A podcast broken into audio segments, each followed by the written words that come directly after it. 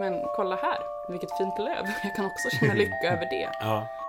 Alltså nu, får in, nu låter du psykotisk Mm. med troll. Jag låter som en jävla miljöpartist. Om vi bara fixar det här, Mm, mm. då kommer jag bli Mm, lycklig. Och just du det. också.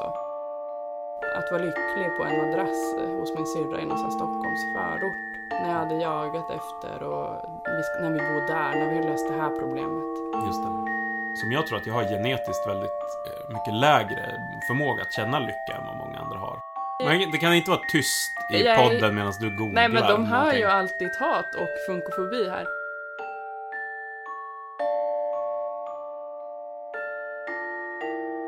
Hej och välkomna till Mörkret. En podcast där vi utforskar frågan om varför det är så svårt att leva. Sveriges mest tveksamma podd om varför det är så jävla svårt att leva. Med mig Johan och dig Angelica.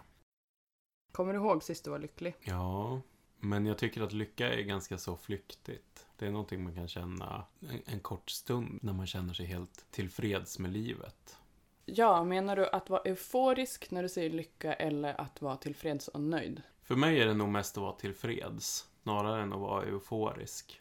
Jag tänker kanske att min definition av lycka hänger ganska mycket ihop med den, eh, den grekiska filosofen Epikuros. Som menar att det vi ska eftersträva är ett tillstånd som han kallade för ataraxia. Och det är egentligen ett, ett tillstånd där man är, är nöjd liksom. Är det därför den här fullständigt värdelösa medicinen som man får av psykiatrin när man har ångest, som egentligen är ett antihistamin, som heter Atarax, heter som det gör? Jag vet inte. Men jag det, antar ju, det. det är ju psykiatrins största, men, ett sidospår, psykiatrins största hån mot alla som mår dåligt. Här, ta eh, allergipiller. Förhoppningsvis blir du lite trött av det. Mm. Eh, men det är jättebra ni som har ångest. Om ni får Atarax så ska ni nog ta det. Det går vidare. Mm. Den som verkligen har lärt mig någonting om, om lycka förutom så här olika grekiska filosofer och så. Eh, det är väl Gunvald Larsson i, i Beck-filmerna, alltså de nya Beck-filmerna med Persbrandt. Han har en replik där som är typ eh, Lycka och lycka, man får vara lite glad, eh, man får vara nöjd om man är lite glad ibland. Alltså det här är ju typiskt eh, personer i medelåldern som bara gett upp. Typ. Mm. Alltså jag Som- tror att det är bra att ge upp, men, men eh, så här som min kompis mamma. Jag kommer ihåg att jag, när jag var yngre så hade jag självskadebeteende och min kompis mådde inte heller så bra. Och hon sa det att, hennes mamma sa så här, ja, hon reflekterade väl över hur vi mådde. Att så här, lycka, ja vad är lycka? Lycklig är man bara några få gånger i livet. Mm. Hon var ju alltså som Gunvald då. Om du skulle liksom beskriva med en scen, eller liksom, när, kan du beskriva hur det var sist du kommer ihåg att du var lycklig? Mm, mm. Vad hände? Vart var du? Den har varit framförallt i typ en, en upplevelse av naturen. Till exempel en, en natt nu i somras när jag var ensam hemma hos mina föräldrar och så började det, liksom efter att den här fruktansvärda torra sommaren liksom, så började det äntligen byggas upp till ett åsk och regnväder. Så, så här, klockan tre på natten så satt jag ute på eh, deras trädäck på baksidan och liksom bara väntade på eh, att åskan och regnet skulle komma. Då kom också deras grannars katt som jag har blivit så här kompis med under sommaren. Den kom och och liksom satt med mig tillsammans där på trädäcket. Och så satt vi bara och hörde så här åskan ut över havet som närmar sig land. Och till slut när liksom de här regn, regndropparna börjar falla efter den här enormt långa torkan. Då, då kände jag en så här genuin lyckokänsla i, i hela kroppen. Och för mig är det ofta i sådana situationer när jag är nära eh, naturen. Kanske till exempel när man badar i havet. Då kan jag känna en väldigt stark så här lycka. Är det då en känsla av att höra samman med allt? Ja, det är väl kanske det. I alla fall, inte den där, alltså jag kan ju också, jag har ju också, nu kommer jag outa mig som så här oerhört flummig eh, människa, men jag har ju mediterat eh, stor del av mitt liv och, och i djup meditation så kan man ju uppnå ett sån, en sån känsla av, eh, som inom psykologin kallas för den oceaniska känslan, att man känner liksom verkligen att man är ett med allting och att gränserna mellan en själv och, och liksom allting runt omkring en på något sätt suddas ut. Men det behöver inte nödvändigtvis vara den lyckokänslan. Finns det alltså ett ord för det? Att höra samman med allt? Andlighets... Ja, inom, inom religionen så pratar man ju ofta om mystiken. Mystik, liksom. Att det är eh, då du hör att gränsen mellan dig själv och eh, Gud, till exempel, eh, suddas ut. Så mystiken och den oceaniska känslan. Den oceaniska känslan brukar man prata om liksom, i, inom psykologin när man försöker eh, tolka det här. Det vill säga att du känner att du blir att du är som en liten bäck liksom som, som rinner ut i havet. Och så blir du bara en del av det här stora, du upplöses liksom i det här stora. Men gud, alltså Johan, jag har aldrig haft en... Jag trodde inte... Alltså jag har sökt efter ett ord på det här så länge. Jag har liksom tänkt av det i termer som närvaro eller tacksamhet eller andlighet. Men andlighet också, alltså det är så flummigt ord så det passar liksom inte. Men det är verkligen, vilken, vilket eh, uppvaknande. Men vadå, oceaniska känslor, går det Mm. att googla? Ja, du kommer hitta teorier om det och så. Jag måste bara kolla lite. Men du kan inte googla direkt i podd. Men det kan jag väl fan visst det. Ja, då, får, då, får, då får vi klippa. Nej. Jo, vi... Nu kan ni... Men det kan inte vara tyst i är- podden medan du googlar Nej, men de hör någonting. ju alltid hat och funkofobi här. Mm.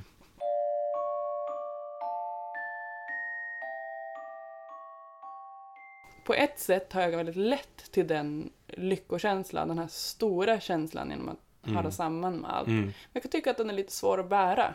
Ja. Så jag vet att jag brukar typ ta upp telefonen och kolla Instagram efter två, tre sekunder av den känslan. ja. För den blir så överväldigande. Ja, jo, den är ju, den är ju skrämmande och den är ju också den innebär ju på något sätt, den är, den är ju hotfull för att det är en sorts egodöd alltså. Mitt ego, där jag är, vill ju liksom skydda sig mot eh, den här känslan av, eh, av total... Och jag tror också, jag har väldigt svårt för sån där, om du vet om man är på en stor konsert eller någonting. Eh, och så kan man uppleva en sån här kollektiv eufori. Ja, det är lite äckligt. Jag tycker det är lite äckligt och jag vill gärna då liksom dra tillbaks, eh, liksom verkligen sätta upp mina sköldar mot den här känslan liksom när man nästan upplöses i, i folkmassan. Mm. Det tycker jag är väldigt, väldigt svårt. Och ändå så är det så mycket av ditt liv som går ut på gemenskapen, kollektivet, Ja, ja. att vara en del av allt. Men när det Jag blir för starkt. När det Men- blir för starkt så retirerar jag. Och jag, jag upplever ofta till exempel så här att om jag är på en fest, en stor fest som är rolig och trevlig och så. Och så börjar det bli lite framåt natten. Då vill jag gärna dra mig undan. Då vill jag gå därifrån eh, en kvart liksom. Andra skulle gå ut för att röka. Nu röker inte jag, men jag kan bara gå därifrån liksom och vara, vara borta för att jag måste... Ta hand om din autism. Ja, precis. Du kanske bara har en social liksom, bakfylla. Ja, fast det är inte... Social bakfylla kan jag också känna verkligen, men det kommer ju oftast dagen efter. Och, och, och det är liksom inte riktigt samma grej, utan det här handlar på något sätt om att eh, behöva skydda gränserna för sitt eget ego, liksom. Jag har aldrig tänkt på att det är egot som drar en tillbaka. Eller liksom drar en till att vilja öppna Instagram-appen istället för att fortsätta kolla på solnedgången. Jag skulle säga att jag har ganska lätt till lycka. Jag har nog alltid känt det, att jag har... Alltså det, är ganska, det blir ganska dubbelt eftersom jag ofta pratar om det som är jobbigt. Jag är ofta i det som är svårt. Mm. Jag, har lätt för att falla in i gnäll och klag, vilket Mm. också är jobbigt för att det anses som fult. Men jag har också ett så här otroligt eh, ljus inuti som, som jag har så himla lätt att plocka fram, alltid. Mm. Oavsett om jag har en bipolär sjukdom eller liksom i en depression. Att så här, jag kan plocka fram, det är någon så här barnslig lekfullhet som jag värnar väldigt mycket om. Mm. För barn är ju otroligt snabbt till lycka. Mm. Alltså eufori, det är Mm. liksom, de är ju så både sårbara och fria i det. Att, Mm. att så här, men mitt barn kan ju liksom ja, men kasta stenar i vattnet ute på bryggan med oss. Alltså det går ju så fort från typ jag vill inte ta på mig mina skor till att vara fullständigt lycklig. Mm. Och det där kan jag känna igen mig i. Men det blir också liksom lite kränkande för en själv. Alltså, alltså eh, det finns ju någon slags uppfattning om att de som är lyckliga är ju eh, idioter. Ja. Du kan ju inte leva i den här världen och vara lycklig eh, om du på riktigt tar in med hela ditt intellekt vad det innebär att leva, hur jävla brutalt och hemskt det är Mm. och hur många som Ja. dör i denna stund. Ja. Men lyckan är svår. Ja, och hur vara lycklig ändå, liksom. Mm. Mitt i allting. Det finns en sån fin dikt som Karin Boye skrev om det här. Alltså, lyssna på det här. Att mista själens hem och vandra långt och inte ett annat kunna hitta sen. Och finna att man glömt vad sanning är och tycka att man bara är gjord av lögn. Och vämjas vid sig själv och hata sig. Ja, det är lätt. Ja, det är ganska lätt. Sorgen är lätt, men glädjen stolt och svår. Ty glädjen är det enklaste av allt. Men den som söker sig ett hem för sig får inte tro att det finns var som helst. Han måste vandra hemlös någon tid. Och den som är av lögn och vill bli frisk, han måste hata sig till det att han kan av sanning som de andra få till skänks. Vad är det värt att sörja för det? Vänta mitt hjärta och ha tålamod. Den tycker jag är så fin. Mm. Eh, om, för mig blir det så att det är svårt och det är lätt att tappa sig själv. Ja. Och det, det, glädjen kan vara svår. Och då skäms jag när glädjen är så enkel för mig. det är så lätt att påverka Mm. känslomässigt. Mm. Nej, men jag, det jag tänker är, när man pratar om lycka, alltså det är främst två saker. Dels ett, hur många som genom typ amerikansk populärkultur, genom liksom det här narrativet av vår värld och liksom vårt samhälle, att vi så här jagar lycka och att det är så här inte så svårt att få. Mm. Alltså den där myten om den lyckliga människan. Jag vet inte, men jag känner ingen som är glad, alltså för det mesta. Nej. Lycklig liksom. Nej. Nej, precis. Jag känner vissa som är nöjd med livet och tillfreds oftare än andra. Som Mm. är tryggare Mm. än andra. Mm. Men inte så många. Jag läste ett abstract av en artikel i en, eh, i en liksom psykologtidning som eh, menade att eh, man bör behandla lycka som ett patologiskt tillstånd liksom. Mm. För att det fa- faller in i alla kriterier. Så det är ovanligt, det är övergående, det är liksom inte det normala för hur eh, våra liv är. Men jag kommer ändå ihåg, alltså ganska många gånger då jag varit lycklig. Men ofta är det något slags så här resultat, alltså det är liksom, jag tror sist jag kände mig lycklig var när jag, det var för typ någon vecka sedan när jag var hos min fysioterapeut, alltså typ sjukgymnast eller vad, ja, hon som har hand om mitt knä eh, och som jag opererade för tre månader sedan. Och det är ju inte självklart att knät blir bra efter en sån operation eftersom det är en allvarlig knäskada. Men det Mm. finns ganska hög procent som klarar sig. Men det är ingen liksom, självklarhet att man kan göra vad man vill sen. Eh, men hon sa, hade sagt till mig då att allt såg bra ut, full rörlighet, knappt någon svullnad och så här, nu kan du börja hoppa, du kanske kan gå fort, jogga Mm. lite lätt, du har inga träningsrestriktioner. Mm. Eh, förutom att ta det försiktigt. Och det, efter typ det här tung, tunga året som jag haft så då när jag gick därifrån så vet jag att jag lyssnade typ på Alicia Keys, den här New York-låten. Så här, New York, New... Den är också så himla glad. Och då gick jag ut, det är liksom vid Globen, den, eh, och Globen, jag vet inte, det är kanske hur många som lyssnar som bor i Stockholm, men det är ju kanske fint på håll, men liksom just utanför Globen, det är ju det fulaste, ett av de fulaste områdena i Stockholm, det är bara fula hus, Mm. massa betong, och fula affärer och olyckligt folk och ja, det var liksom inte vacker scen Mm. så, men alltså i, alltså det var liksom verkligen att solen sken på mig, Mm. där var Globen så fantastiskt vacker. Eh, till och med asfalten och typ so hur solen lyste på asfalten var vackert. Eh, Mm. Även fast det bara var Just sådana. Jag kan verkligen känna igen mig i det där och, och särskilt i det här med musiken liksom. För mig är ju musik väldigt kopplad till väldigt starka lyckokänslor och så. Eh, jag har ju, sen jag var sex år gammal så har jag älskat irländsk folkmusik. Mm. Eh, och jag kan lyssna på någon låt som liksom verkligen eh, känner hur den bara lyfter min, min själ liksom. Och då blir det ju just det där att eh, solljuset i en vattenpöl eller höstlöv på trä, alltså vad som helst Är det vackraste som är finns. det vackraste man, man kan se liksom. Och jag tror verkligen liksom att den lycka som för mig är beständig och värdefull och så, det är just det när man i när det inte är något särskilt, när det inte är något jättestort, utan man finner den där lyckan i, i vardagen liksom. Och lyckan i bara något, eh, skö, liksom skönheten i eh, det vanliga på något sätt. Det kan jag verkligen känna. Jag brukar ju prata om det här med att jag försöker skriva, och att jag vill uttrycka den här känslan av att eh, bakom den här plåtdörren till en, till en eh, källare i ett hyreshus, där bakom kanske det bor ett troll eller någonting. Alltså det här med att eh, magin och det fantastiska och liksom det underbara och det skrämmande och så, att det hela tiden ligger under, precis under ytan av det här vardagliga. Alltså nu, får in, nu låter du psykotisk Mm. med troll. Eh, Mm. eh, eller det kanske inte. Men, men alltså, för- okej, för att få Johan att inte låta psykotisk. Vad eh, du menar att eh, precis som olycka och hemskhet och död är möjlig så, Och, är, och mörker och liksom... så kan lycka och magi och att det faktiskt bor en liten fe i, Mm. bakom den där tråkiga plåtdörren var möjligt. Du, går, går du omkring och tänker så här? För att i min Mm. värld, du har ju sålt in dig själv som Ior. Eh, Just det. Dystemi och allmän... Mm. Ja, men jag tror att jag har en ganska stor dysterhet i mig, men jag har också den här känslan för, för, för det magiska liksom, och för lyckan och för...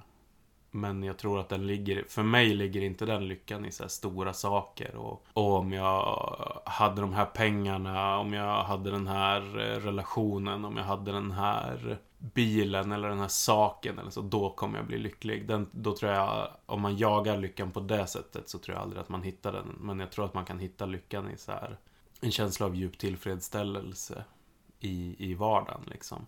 Men vet du, jag tror, jag håller med, men jag tror att det är folk som aldrig känner det där. Alltså jag tror Mm. att dels är det dubbelt. Dels är det liksom, för vissa är livet så himla svårt. Dels blir det den här sårbarhet i att känna lycka. Plötsligt får du ju något slags värdefullt som kan tas ifrån dig. Jag vet att jag har flera, flera personer som jag mött på olika sätt, både i min släkt och vänner, som har sagt så här, men jag vet att, att eh, en nära släkting till mig sa så här, när min dotter blev sjuk så slutade jag spela piano. Mm. Jag slutade lyssna på musik. Och det var liksom 30 år sedan, 40 Ja. år sedan. Det, blir ju, det är ju sårbart att känna lycka för jag tänker att det kan ju Mm. också bara vara allmänt Mm. att landa i känslan Ja. men att det är sårbart att känna lycka. Det är lättare att stänga dörren till det. Ja. Jag tror man måste i sådana fall leva med den här dubbelheten. Just att mörkret och sorgen och allt det finns. Och att ljuset också finns liksom. Men det är inte det oerhört svårt för många. För mig känns det som att jag börjar lära mig det. Mm. Men det var ju typ revolutionerande att så här, när jag blev drogfri att lära mig att så här, det finns inte bara må bra eller dåligt. Du kan må jättedåligt och du kan må jättebra på samma gång. Mm. Ja. Det, jag tror det är jättesvårt för många. Ja. Men för mig är det typ det enda sättet att överleva med psykisk ohälsa. Att säga, ja här håller min ångest på, men kolla här, vilket fint löv. Jag kan också känna lycka över det. Ja. Jag menar, jag känner verkligen igen mig i det där.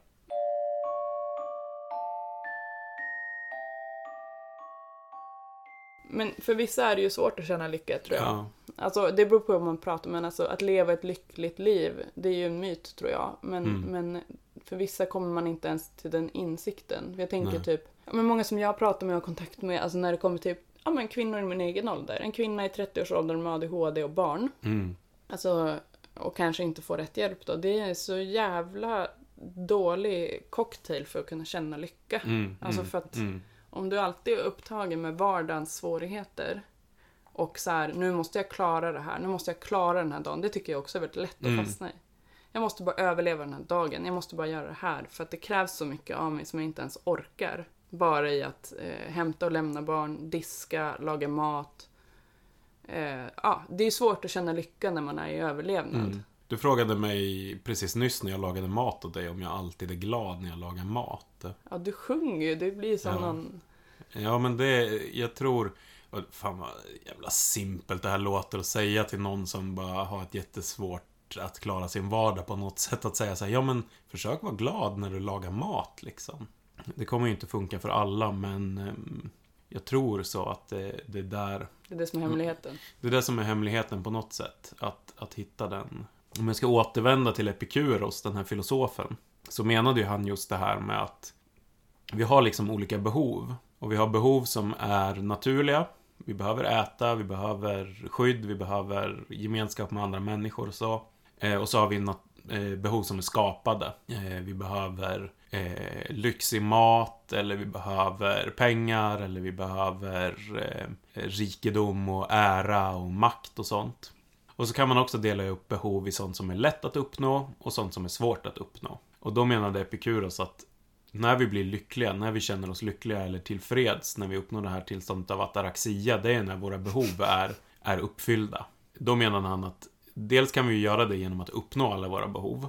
Men om vi har jättemånga sådana här skapade behov, särskilt skapade behov som är svåra att uppnå, Och då som till exempel vad då? Ja men till exempel om man känner så här, ja ah, jag måste ha eh, jättemycket pengar eller jag måste äta lyxig mat varje dag. Det där var en grej som Epikuros pratade om att så här, typ att, att vara beroende av att äta lyxig mat varje dag, det är dåligt.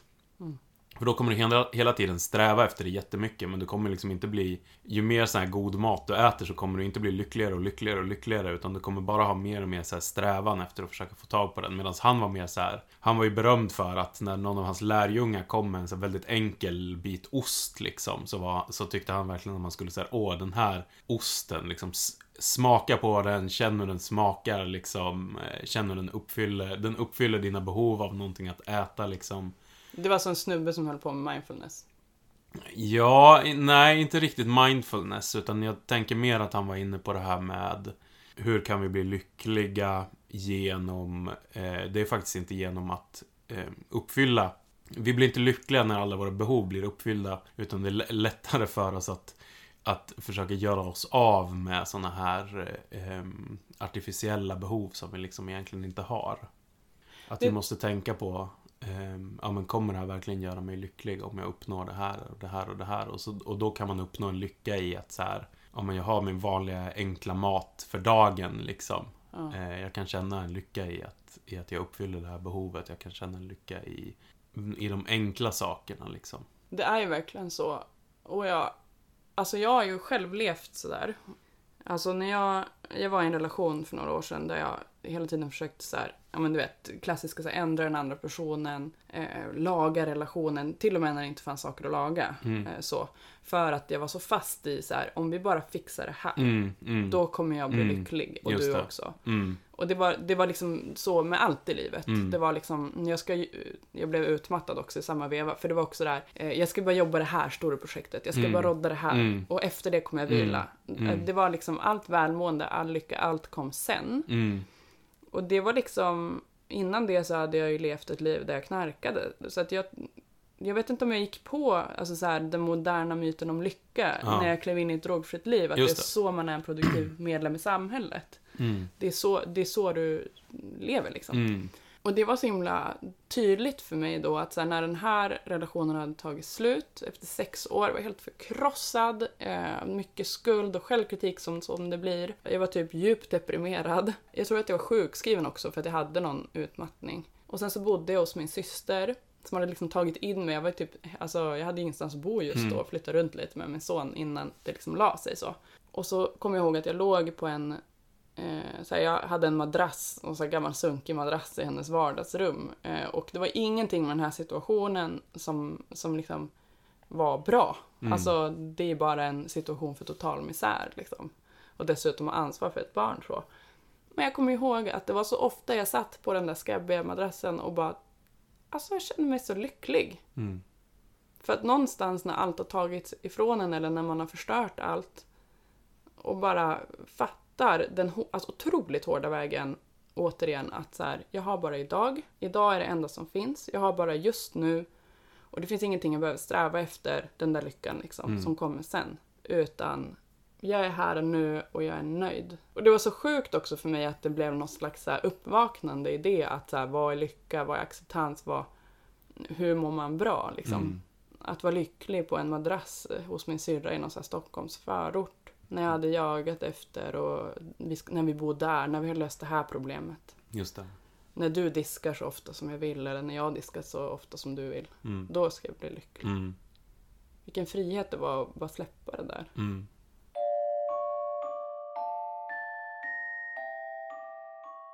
Jag tror verkligen det är, är nyckeln till, till att hitta någon sorts lycka.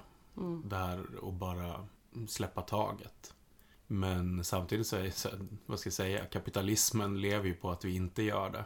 Mm. Eh, utan att vi hela tiden jagar någonting. Jag låter som en jävla miljöpartist nu, inser jag. Ja, liksom. du gör ju det. Du låter, men det gör jag också men det. Men det, alltså... men det är också så här, alltså, det är klart att de strukturer vi har i våra liv liksom påverkar ju också eh, våran förmåga att uppleva lycka och sådär. Alltså, det är ju inte en slump att typ Mm, jag läste nyss en forskningsartikel som sa när i relationer, när kvinnan dör först, heterorelationer, så blir mannen ofta mycket, mycket mer olycklig.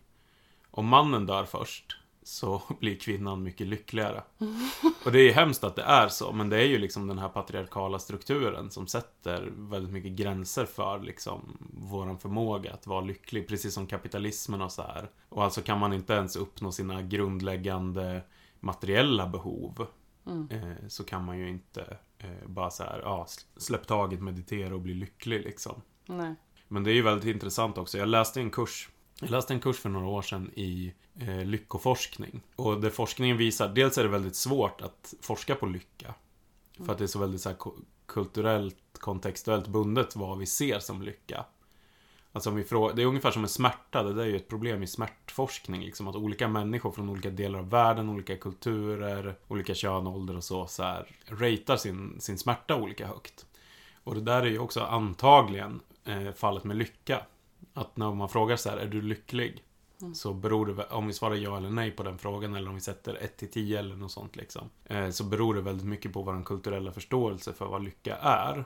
Eh, men en grej som man så här har forskat på och som det finns ganska mycket som tyder på är ju att vi har eh, vår förmåga att känna lycka är, i ganska hög utsträckning eh, medfödd. Man pratar om att det är kanske 50% genetiskt, 50% liksom miljö. Man har också så här kollat på folk som har genomgått väldigt stora ehm, förändringar i livet. Dels positiva förändringar, typ att folk har vunnit väldigt mycket pengar. Eh, och dels negativa, till exempel att man har varit med om en olycka som ger en permanent nedsatt funktion liksom. Eh, och då kan man se att det där påverkar väldigt, väldigt starkt i början. Alltså har man en väldigt positiv förändring i livet så blir man väldigt mycket lyckligare. Har man en negativ så blir man väldigt mycket olyckligare. Men bara på något år så börjar det där plana ut och gå tillbaks till ens, så att säga, normal nivå. För båda. Ja, Ja. för båda. Vilket gör att vi alltså påverkas mindre av eh, händelser utifrån än vad vi tror. Men det positiva då är väl om man till exempel är en person som jag, som jag tror att jag har genetiskt väldigt eh, mycket lägre förmåga att känna lycka än vad många andra har. Eh, jag tror att det är därför som jag, som jag är som jag är. Eh, men då finns det ju då den här 50 procenten ungefär, där du har en möjlighet att faktiskt förändra ditt förhållningssätt. Som gör att du kan Dels har vi, dels har vi alla de sociala strukturerna liksom. Eh, så här, om du är hetero tjej, gör slut med din kille. Alltså det är verkligen ett råd. Om Eh, du vill vara lycklig. Vissa av er kanske blir mer lyckliga i era heterorelationer, men om vi ska titta på statistiken så, så är, är det ganska entydigt att du kommer bli lyckligare om du gör slut med din kille. Dumpa din kille. Dumpa din kille. Eh, och sen kan man ju typ så här, ja men om vi har ett samhälle där folk, alltså så här, ja men det är jättetydligt att så här, depressionssjukdomar och så har ökat skitmycket i Grekland sen de gick in i sin ekonomiska kris för att det är liksom piss i samhället och så är det ju massa saker liksom så att så här, Sluta ha en ekonomisk kris. Ja, när man slutar Sätt det inte, ba, alltså, sätt det inte bara att meditera. Jag tror att det är väldigt bra att meditera. Jag tror att det är väldigt bra att göra så här övningar i tacksamhet eh, över saker. Jag tror att det är bra att göra sådana här eh, buddhistiska övningar som jag brukar göra. Där man liksom eh, övar sig på att känna kärlek och medkänsla till, till andra människor och så. För att det finns forskning som visar att det faktiskt mm, väldigt substantiellt påverkar människors förmåga att känna lycka och så. Men så här eh, organisera dig också och kämpa för att krossa eh, de system som gör dig olycklig. Mm. Men sen även i ett, i ett kommunistiskt samhälle där alla har det bra så kommer vissa människor vara som jag, lite mer ior liksom. Och ha svårare att känna lycka. Och andra kommer vara som du och ha ganska lätt och ganska nära till sin lycka liksom. Alltså nu gick jag ju lite till överdrift känner jag. Alltså för att det krävs ju ett jävla jobb för mig också att ens, eh, ja, inte Mm. vara deprimerad typ. Just det. Det har ju krävts tio år av terapi. Ja. Ja. Men, men det är en skillnad liksom. Ja. Det kommer finnas skillnader i människors förmåga att uppleva, Men jag känner ändå, lycka. jag kanske har ändå övat upp min förmåga att, att känna lycka lite grann. Mm. Eh, det, var inte det, det har inte varit lika självklart, men Mm. jag har ju gjort det genom Mm. sånt som du nämner. Alltså, också gick många år i compassion-fokuserad terapi och det är ju att känna medkänsla, framförallt med sig själv då, om Mm. man är väldigt självkritisk. Mm. Men det jag vet, så här, jag tror att mycket olycka kommer, alltså, man blir inte så lycklig eh, när man har sådana förväntningar som man har. Alltså jag har släppt mina förväntningar ganska mycket. Mm, typ så här, jag orkar inte städa flera gånger i veckan. Ja, men att släppa den förväntningen har gjort att jag, alltså så här, jag är en småbarnsmamma, det får vara stökigt, det är okej. Mm. Det har gjort att jag kan vara lycklig eftersom små saker tar så mycket energi i och med att jag har ADHD. Mm. Så är det för alla, men, Mm. men jag har ju extra svårt att styra mitt fokus. Mm. Och det vill ändå säga att det är så många som det har blivit så genom åren i och med att jag har föreläst mycket om ADHD och framförallt om kvinnor och ADHD och gjort mycket kring det. Haft så mammagrupper för kvinnor med ADHD och så. Då är det många som har hört av sig och bara men så här, typ jättekonstigt men så här, du verkar må så bra, hur gör du? Eh, vad är hemligheten? Typ, för jag har alla de här problemen, livet är skit. Och sen nummer ett tycker jag alltid är så här, det här gäller väl alla människor men framförallt den gruppen som det jag tänker på nu är att så här, det, livet kommer alltid vara svårt för sådana som oss. Alltså så här, du har ett dopaminsystem som funkar på ett annat sätt. Du har troligtvis serotonin som är typ kört i botten för att du är antagligen deprimerad. Att ta in det, att så här, livet kommer aldrig bli enkelt för mig. Jag kommer aldrig bara kunna så här, tjoho, känna lycka liksom. Det, det kommer inte hända. Mm. Så om vi bara kan så här enas kring att det kommer vara jävligt tufft, men typ det kommer vara värt det. Åh nej, det låter som en så här insta-quote. Men alltså det är så. Det Ja. är så. Och det Ja. krävs så himla mycket. Det, det känns så himla...